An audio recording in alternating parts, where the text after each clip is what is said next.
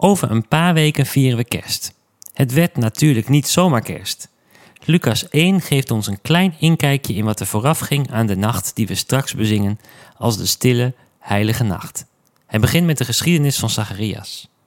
Hij laat ons het werk en de routine van de priesters in die tijd zien. En dat is iets interessants. Israël had al een paar honderd jaar geen profeet gehad. Het was maar een beetje stil in geestelijk opzicht. En ik vraag me wel eens af, zouden ze zijn gaan twijfelen aan Gods belofte over de komende Messias? We weten het niet. Wat we zien in de geschiedenis van Zacharias is dat het geloof veel routine in zich had. En dat kan een goed en een slecht iets zijn. Goed in de zin dat het goed is om rond het geloof routines in te bouwen. Routines van gebed, bijbellezen, kerkgang. Ik geloof dat we die routines, als we die niet beoefenen, we veel van Gods rijkdom missen. Routines kunnen ons op het spoor zetten, kunnen ons hart blijven aansporen om na te denken over de dingen van boven. Maar routines kunnen ook gevaarlijk zijn. Ze kunnen ons ook het zicht belemmeren op het wonderlijke, het grootse en de glorie van God.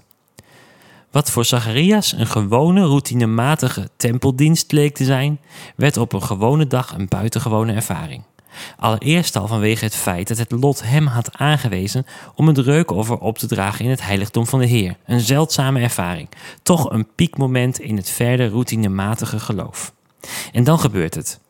God verschijnt onverwacht en op een onverwachte manier. Lucas vertelt ons in hetzelfde hoofdstuk ook over Maria.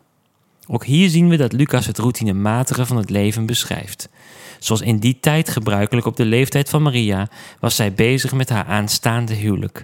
Ook zij leefde gewoon routinematig, zoals wij ook de meeste van onze dagen beginnen. Aan haar verschijnt God ook door een engel. Beide gebeurtenissen hebben kort na elkaar plaatsgevonden. Het moet een bijzondere fase zijn geweest in de hemelse gewesten. Het besluit van God om een engel te sturen en zo de wereldgeschiedenis op zijn kop te gaan zetten. Toch zit er in deze geschiedenis veel meer rijkdom.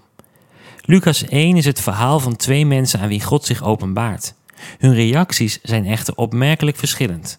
Natuurlijk zijn ze allebei even geschrokken van de verschijning van de engel. En ja, als God zich laat zien, dan is dat altijd bijzonder en indrukwekkend. Maar als ze zijn gerustgesteld, is het verschil tussen Zacharias en Maria opmerkelijk. Zacharias vraagt: Hoe kan ik weten of dat waar is? Maria vraagt: Hoe gaat het dan gebeuren? Ziet u het subtiele verschil? Maria vraagt zich meer af hoe dan of. Zacharias heeft meer moeite om het te geloven. Hoe reageren wij als God zich weer laat zien in onze wereldgeschiedenis? Ik hoop dat ik met Maria zal antwoorden in geloof en ontzag. De Heer wil ik dienen.